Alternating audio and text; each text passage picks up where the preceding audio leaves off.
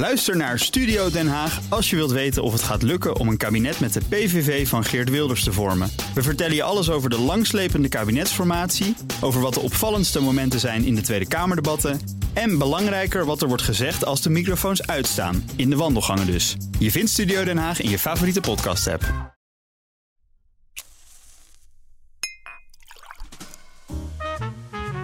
De Stijlpastoor. Met Arno Kantelberg. Stijl is niet altijd even makkelijk, maar je hoeft het niet alleen te doen. De Stijlpastoor is er voor jou. Ik neem je mee langs herenakkers op zoek naar het allerbeste dat Nederland te bieden heeft. Van horloges tot parfum, van de perfecte handgemaakte laars tot het scherpst gesneden maatpak. Wat draag je, wat drink je en hoe doe je dat? Samen, beste Nederlandse man, komen we er wel.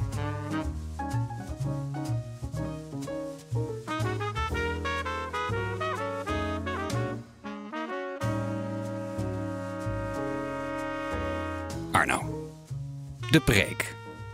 Bij messen denk ik heel snel aan filmmessen. Aan het eh, gigantische jagersmes van John Rambo hè, in First Blood. 40-jarige eh, jubileum viert die film. Maar ook aan het jagersmes van eh, Crocodile Dundee. De beroemde Australische krokodillentemmer.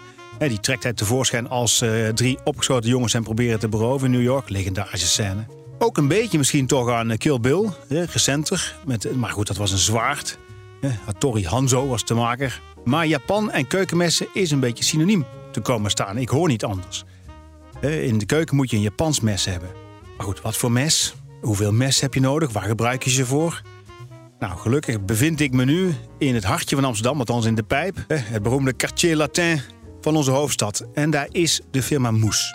En de firma Moes, die is er al sinds mensenheugenis. Al voordat er archieven bestaan over het uitbaten van winkels in de pijp. Daar zit nu een derde generatie eigenaar, Jaap de Jong. En Jaap is messenconnoisseur. Hij gaat ons alles vertellen wat wij willen weten, en dat is best veel, in mijn geval, over het keukenmes.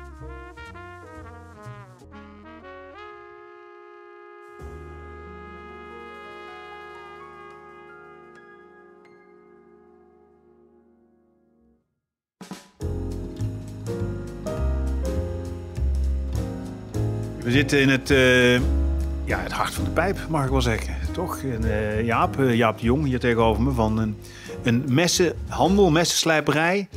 Waarvan jij, Jaap, met Barbara, die staat iets verderop in de winkel. Die, jullie zijn de derde generatie. Dus dit is, eh, dit is niet van vandaag of gisteren, deze, deze winkel. Nee, dat klopt. Wij zijn de derde generatie. En het is eigenlijk elke keer van schoonvader op schoonzoon overgenomen. En wij hebben dus nu de laatste keer het van mijn schoonvader overgenomen. Vader van Barbara, nogmaals, staat een stukje verderop. Nu een beetje te, te glimlachen. Ja, inderdaad. En eh, hij heeft mij eh, ook eh, het vak geleerd van het slijpen, want we hebben ook een slijperij. En dat is natuurlijk belangrijk dat je dat ook kunt en in de vingers krijgt om, om die zaak zeg maar, interessant te maken, ook voor jezelf. Ja. Ja, want dit is niet jouw, dat is geen opleiding. Je bent, ja, later wel, maar door je schoonvader. Maar je bent er als het ware ingerold, toch? Eh, ja, ingerold inderdaad. Ik had een hele andere carrière. Even, wat deed je? Ik was eh service manager bij een telecombedrijf. Het is beter toch wat je nu doet. Eh, ja, ik heb geen dag spijt. Nee, nee, nee. En, maar het was ook echt zo dat het, dat het me de keel uit ging hangen. En toen, toen hebben we besloten om, om aan mijn schoonvader te vragen van... hoe zou je het vinden als we de winkel overnemen? Ze- 16 jaar geleden is dit. Ja. Nu zijn wij omringd door messen. Nou, eh, ja, tien, honderden messen staan er om. zich. Schets mij eens, wat is nou de aantrekkelijkheid van een mes? Nou, dat begint al op een hele jonge leeftijd. Eh, jongetjes die hier voor de etalage staan eh, naar zakmessen te kijken. Dat weet je van, jezelf, van jezelf misschien ook nog wel. Hè? Zwitser zakmesje, een, Ja, een kniepje wel- noemden wij dat vroeger. Dat een, hoe noem je dat? En een uitvouwbaar mesje heeft dat nog een... Ja, Nee, ik ken dat woord wel. Een hyperknieper bijvoorbeeld. Dat is, dat is een, dat is een zakmes wat je open kunt klappen. Maar zo'n Zwitser zakmes met, eh, met eh 15 functionaliteiten is natuurlijk de grootste droom van, eh, van elk jongetje. Dus daar begint het bij. En eh, als mannen wat ouder worden, nou, dan gaan ze ook interesse krijgen in koken. Ik wel, in ieder geval. ja. Eh, ik ben eh, een beetje eigenlijk eh, wakker geschud door Cas Spijkers nog. Die had dan een programma Koken met Sterren. En eh, nou, dat, dat, dat heeft mij eigenlijk getriggerd ook om eh, wat meer in de keuken te gaan doen. Op jonge leeftijd. En eh, Jamie Oliver bijvoorbeeld, noem maar op. En er worden eh, veel meer mensen door aangestoken. Niet alleen door die mensen, maar door koken in het algemeen, op tv en in, restaurants. En eh, kok sowieso is een heel hip beroep geworden. De laatste tijd. Ja, ze zijn een beetje de rocksterren geworden, Cox. hè. Jamie Oliver, je noemt zijn naam al. Ja, zeker. En daar horen natuurlijk ook attributen bij. En eh, het hoofdattribuut is wel een mes, wat dat betreft. Maar ja, ik zeg dan heel flauw, maar ja, een, een- ja, een mes is een mes, toch? Eh, Maar er staan er hier, ik weet niet, hoeveel heb je er op voorraad? Nou, wat zal het zijn? Ik denk dat we een assortiment hebben van zo'n 300 verschillende messen. Zomaar. En allemaal verschillend. hè. Dit zijn niet 300 van hetzelfde model, maar dit zijn 300 verschillende type messen. Jij als kenner beoordeel eens die Nederlandse man. Hoe doen wij het op het terrein van de messen? Wat ik beleef, eh, best wel heel goed. Mensen komen echt bewust binnen van, nou, ik eh, ben aan het koken, eh, het wordt steeds leuker, maar mijn messen bevallen niet. Ik, ik, ik, ik, wil wat beter, ik wil een stapje omhoog. En dat wordt wel heel bewust gedaan, merk ik. En dan hoef je nog niet eens meteen de Japanse kast in te vliegen. Maar dat kan ook nog de Duitse kast zijn, want er zijn ook hele goede messen bij. Die ook weer misschien geschikter zijn voor eh, mensen die wat ruwer met hun spullen omgaan of wat zwaarder werk willen doen. Maar Is Duits goedkoper? niet per se, maar eh, de, de bovengrens ligt wat lager. Eh, dus, dus over het algemeen kan ik zeggen, we zijn wel goed bezig. Ik ben kok, ik heb een mes nodig. Klaar. Wat, wat neem ik? Dan begin je bij de basis en dan heb je het over een koksmes. En een koksmes is meestal een wat langer en breder mes. Ik zal er één pakken, dan kun je het... eh, Ja, ja, dat vind ik alleen maar leuk. Ik loop bewust naar de Japanse kast, omdat het- ja, dat is toch wel het meest sexy eigenlijk. En je ziet ook in onze winkel het meeste Japanse messen. En dat heeft er vooral mee te maken dat die kwaliteit heel erg hoog is van eh, Japanse messen. Japanners kunnen goed, goed messen maken. Mm, Ja, dat hebben ze natuurlijk geërfd van de zwaardemakers. Maar dat mocht op een gegeven moment niet meer. En toen zijn ze overgestapt op messen. Maar al die technieken van zwaarde maken hebben ze weer gestopt in messen maken en doorontwikkeld. En in je hand heb jij nu een... nu een koksmes in mijn hand. Eh, dat heet dan in het Japans een gyuto. En dat is een mes die uh, dat is, uh, 20 centimeter lang, 20, 21 centimeter. En meestal tussen de 4 en, centi en 5 centimeter breed op zijn breedst. Uh, die heeft een vrij ronde vorm in de snede. Dat betekent dus dat je er op de plank heel mooi mee kunt wiegen. Ja. Wiegen is een beetje, je maakt nu een snijdende beweging. Overigens, dit noem jij de Japanse kast. Dit zijn allemaal Japanse messen. Dit zijn allemaal Japanse messen. En hier in deze bovenste rij zijn vooral messen van Japanse makers. En die maken uh, deze bijvoorbeeld, die messen van, uh, van Hado. Uh, die heb ik nu net binnen. Maar als ik ze nog een keer wil bestellen, moet ik 18 maanden wachten. Oh. Omdat ja, er zitten zoveel bewerkingen in zo'n mes. En het is maar een heel klein fabriekje die ze maakt. Er zijn er gewoon niet meer. Ze produceren niet nee, meer dan dit. gewoon niet meer messen dan dit. Overigens, de prijs van de Hado varieert nou, het is in ieder geval tussen de 2,29 en wat en zit 500. er? En 500. Ja, ja dus, en, en alles wat er een beetje tussen zit. En dat is mm, best wel uh, in onze winkel sowieso een beetje de, aan de hogere kant. Dit is toplaag. Ja, het is top. En je kunt aan, uh, uh, aan de uh, beginnen bij, met Japanse messen bijvoorbeeld, als we daar nog over hebben, ja, ja. kun je rond de 100, 120 euro al echt een goed en leuk Japans mes kopen.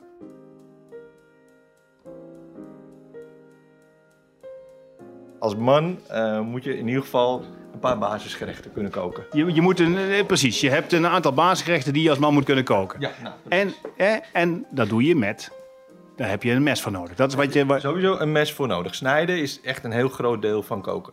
Is ook misschien wat leukste gedeelte, of niet? Uh, zit daar iets lekkers ja, in in de snijden? Het op eten, ja, uiteindelijk. Ja, maar daar zit iets toch iets, nou, ik zal niet zeggen erotisch, nu ga ik, ben, ga ik overdrijven. Ik, ik spring meteen een beetje in de stand, maar dat snijden, dat heeft iets, toch? Nou, dat is wel zo, maar het kan ook dus een grote ergernis zijn als je een slecht mes hebt of een bordmes. En dat zie ik hier vaak in de winkel, dat mensen een mes komen uitzoeken. En ze eigenlijk voor het eerst met een goed mes snijden, goed scherp mes. Dat ze van, kan dat ook, ja. weet je wel. Dat die tomaat, ik heb hier altijd een bak met tomaten staan, die, uh, die ik gebruik zodat mensen echt kunnen voelen hoe het mes snijdt. En dan merken ze van, ja, het valt eigenlijk gewoon door die tomaat heen. En ze zien ook dat niet de hele plank meteen drijfnat is, omdat ze die tomaat stuk gemaakt hebben met een bordmes bijvoorbeeld. Maar we het even, maar even zien, ja? Of niet? Want je vertelt het nu, maar je, ik zie hier die tomaten. Ik zie, hè, je grijpt nu een trosje tomaten, drie. Mooie rijpe tomaten. En nu pak je een mes. Je maakt nu een snijbeweging hè, en die ronde, de, de, scherpe kant van het, uh, van ja. het mes, die is rond en die draait als het ware, ja, ja wiegen noem je dat, hè? die. Wiegen, ja, ja, dus als een soort uh, locomotief eigenlijk uh, maak je die beweging op die plank. Nou, en hij is dan breed, omdat je dan die ruimte hebt om uh, je hand eronder te houden. Ja. En je kan er dan ook lekker mee scheppen. En, nu even die sensatie van die tomaat. Ja, precies. Nou ja, um, kijk, um, als ik niet druk en eh, wel snijd, dan, ja, dan valt hij er eigenlijk al doorheen. Zie je dat? Ja, ja ik vind het echt... ik, begrijp, ik begrijp nu, kijk, nu je het ziet, ik begrijp helemaal hoe men... Mag ik hem zelf, mag ik eventjes? Ja, je mag ook even. Hou jij even de microfoon vast? Ja, pas op voor je vingers. Ja, ja. Leg hem op zijn kant, dat is veiliger. Oké, ik, ik druk nu niet. Ja, ja ik voel... Ja. ja Nou, en dit- dat is dus dit is klassiek als mes door de boter, hè? Dit is wat dat Ja. gevoel, toch? En dat is dus wat mensen vaak voor het eerst beleven hier. Eh, oh, kan dat ook, weet je wel. En dit maakt dus dat snijden, dat grote deel van koken, zo leuk. En je eindresultaat wordt ook beter, want je ziet nu, alles blijft in die tomaat zitten ook. Dus je hebt niet zo'n drijfnatte Ja. salade. Ik wil die kok zijn zoals jij thuis ook bent. Ja. Hoe- hoeveel messen heb ik nodig? Ik heb zelf thuis eh, ook zo'n zo'n messenmagneet hangen. En daar hangen negen of tien messen aan. Weet ik niet uit mijn hoofd. Maar twee daarvan gebruik ik eigenlijk het meeste. En zeg even dat je met drie of vier messen al een heel eind komt. En dan heb je het over de basis, je koksmes.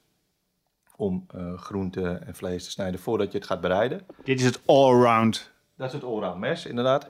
Eh, dan heb je eh, als volgende heb je, of een patty of een office mesje. En een patty is eigenlijk een wat langere uitvoering van het kleine office mesje. En die gebruik je om fruit schoon te maken, visje te fileren, eh, wat fijner werk. Dus we hebben het allround koksmes, we hebben de patty mes en de derde. Ik vind dat als je eh, vlees bereidt, eh, of je dat barbecuet of grilt, ik dien dat zelf nooit op als stuk vlees aan, aan mijn gasten of aan mijn eters. Ik trancheer dat. Dus ik krijg midden op tafel komt gewoon een plank te staan waar getrancheerd vlees op ligt. En dan kan iedereen pakken wat hij wil. En daar heb je dus een trancheermes voor nodig. Die is heel lang, nog langer dan je koksmes en smal. Eh dan kun je dus door die lengte een hele mooie lange haal maken. Dat je niet heen en weer hoeft te bewegen om dat vlees te snijden. Dan krijg je mooiere plakjes. En hij is smal, zodat je minder wrijving hebt. Dat je niet het vlees naar binnen trekt als je gaat snijden. Dus je krijgt allemaal mooie evenwijdige plakjes. Eh Jaap, jij zei barbecue mes. Nu is barbecue is, is, dat is een hele aparte community, denk ik wel eens. De, de Nederlandse man aan achter de barbecue. Ja, dat is echt een beetje een scene aan het worden, hè, inderdaad. Hij heeft toch een beetje een ruiger imago. En daar horen ook wel wat ruigere messen bij. Eh, omdat het ook vaak buiten gebeurt natuurlijk. In je, in je buitenkeukentje, waar alles wat, eh, wat minder eh, georganiseerd is dan, dan je binnenkeuken bijvoorbeeld. En ik merk wel dat mensen dan vaker toch kiezen voor wat grover materiaal. En grover bedoel ik daarmee dat Japanse spul.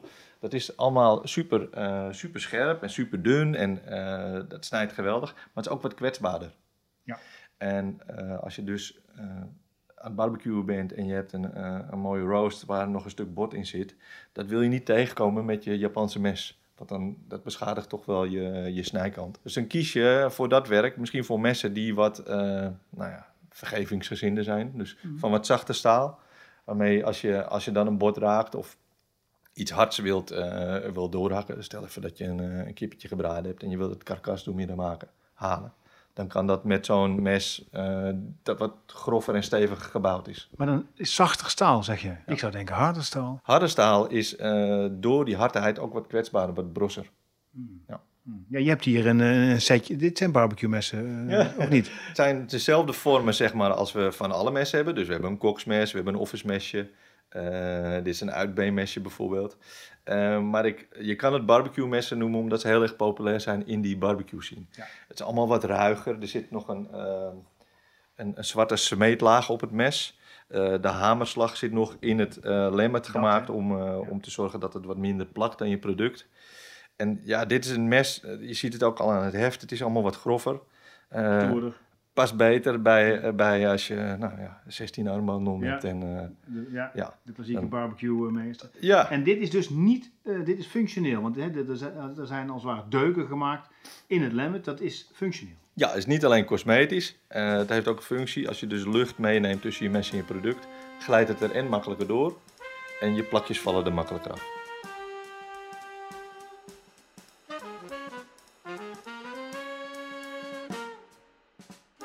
Nu komen er veel Japanse messen voorbij. Eh, is er zoiets als een ehm, Louis Vuitton onder de messen merken?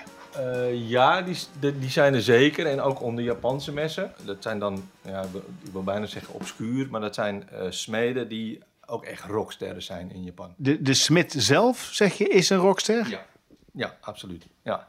Er is zelfs een heel, heel boek over geschreven. een soort een dummyboek over Japanse messen.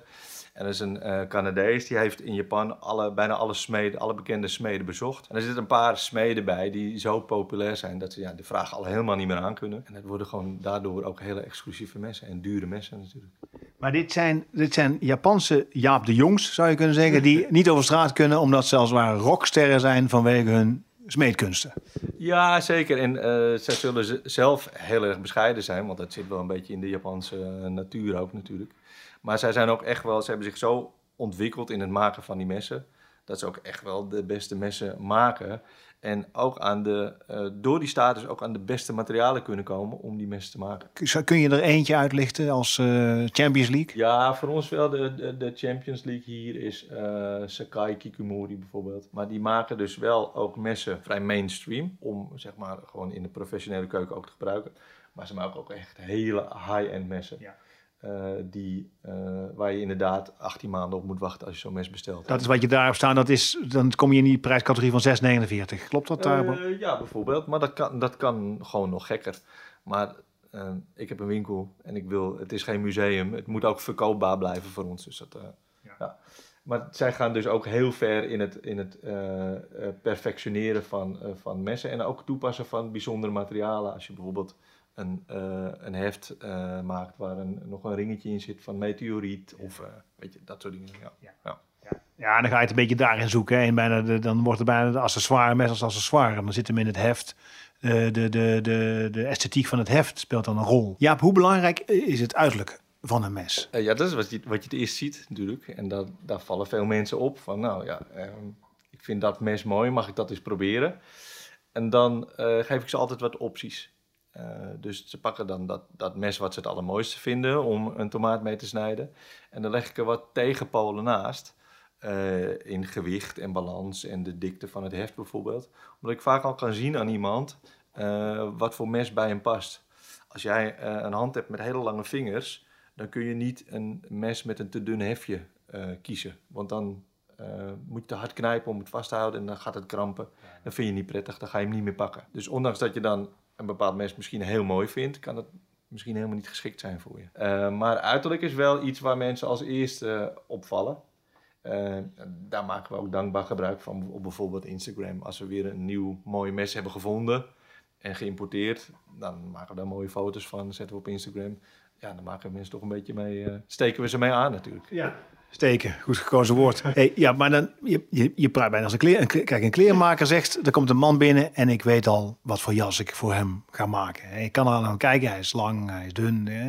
Jij, hier komt een, bij jou een man binnen en jij kijkt naar zijn handen. Ja, ik let daarop. Eh, ook op, op lengte. Eh jij bent een kop groter dan ik bijvoorbeeld. Dan is een, een eh, bepaalde maat mes ook al gauw te klein bijvoorbeeld in verhouding. We hebben heel veel, tegenwoordig heel veel jonge klanten, mannen, als we daar even over jong, hebben we het over twintigers? Of?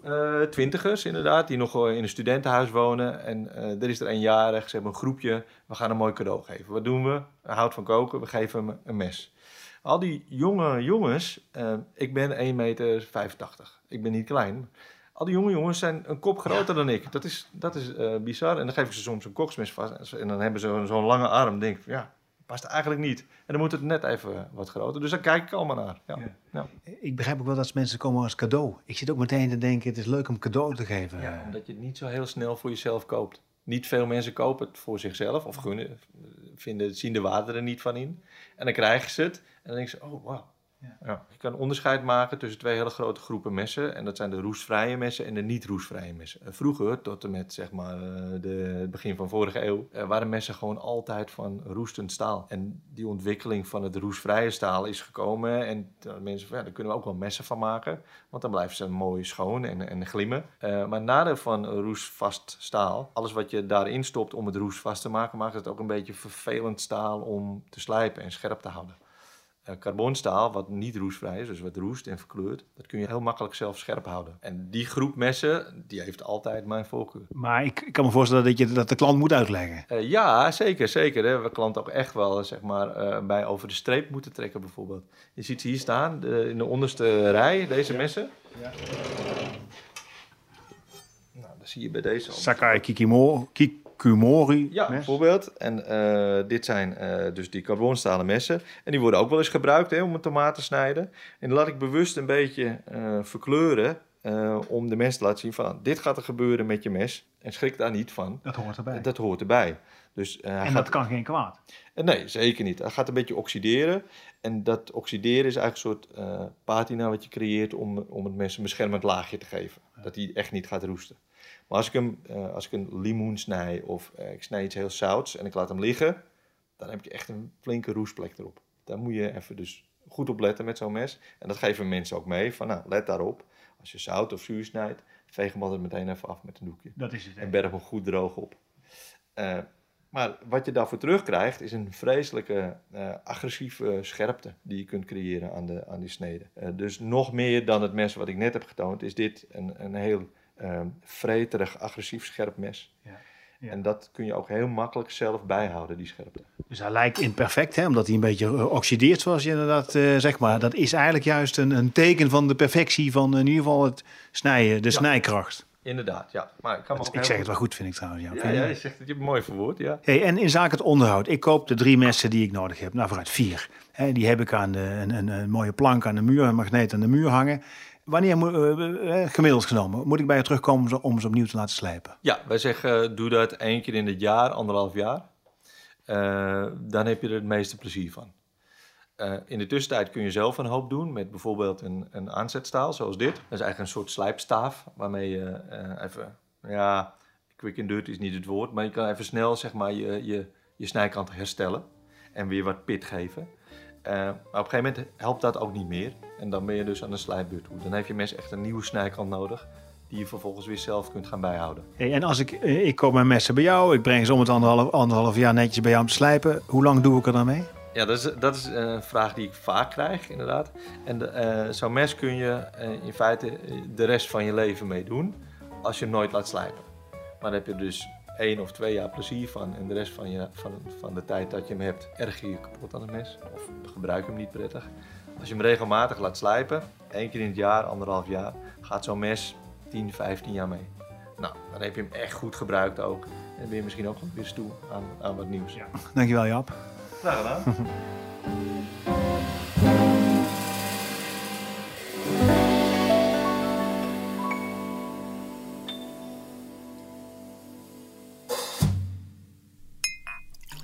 Tijd voor een commerciële boodschap. Ook als het op whisky aankomt, is alleen het beste goed genoeg voor de stijlpastoor. Dat kan het leven die extra 10% geven. Gelukkig wordt deze podcast mede mogelijk gemaakt door The Macallan. Vandaag reflecteert uw stijlpastoor met een glas Sherry Oak 18 van The Macallan. Grote klas.